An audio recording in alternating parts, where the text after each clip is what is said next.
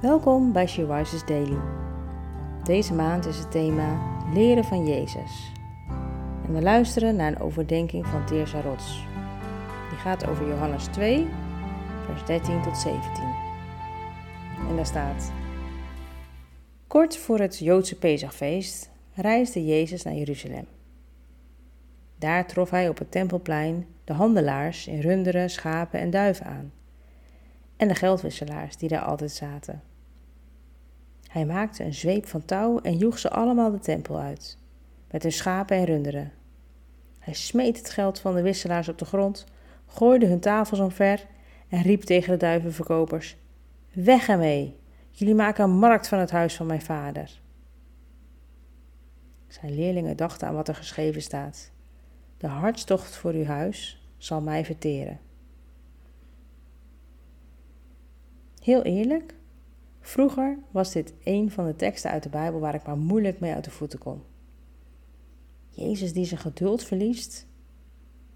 De zachtmoedige Jezus die met een zweep mensen en dieren de tempel uitjaagt. Jezus die tafels ondersteboven kiept. Ik vond het moeilijk te rijmen met dat beeld dat ik van Jezus gevormd had. Maar eerlijk is eerlijk. Jezus is toch altijd al iemand geweest die zich tegen de gevestigde orde keerde?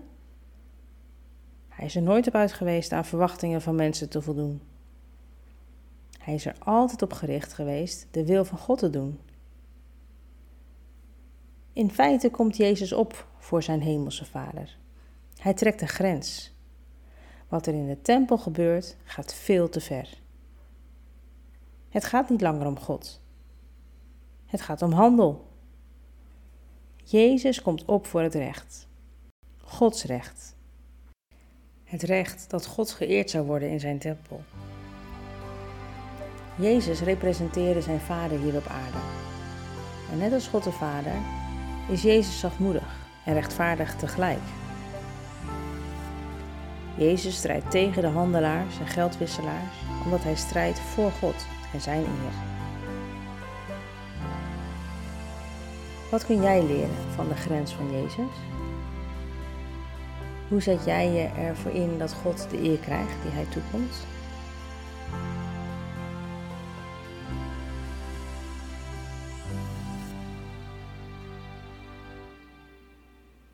God, help me om op te komen voor het recht.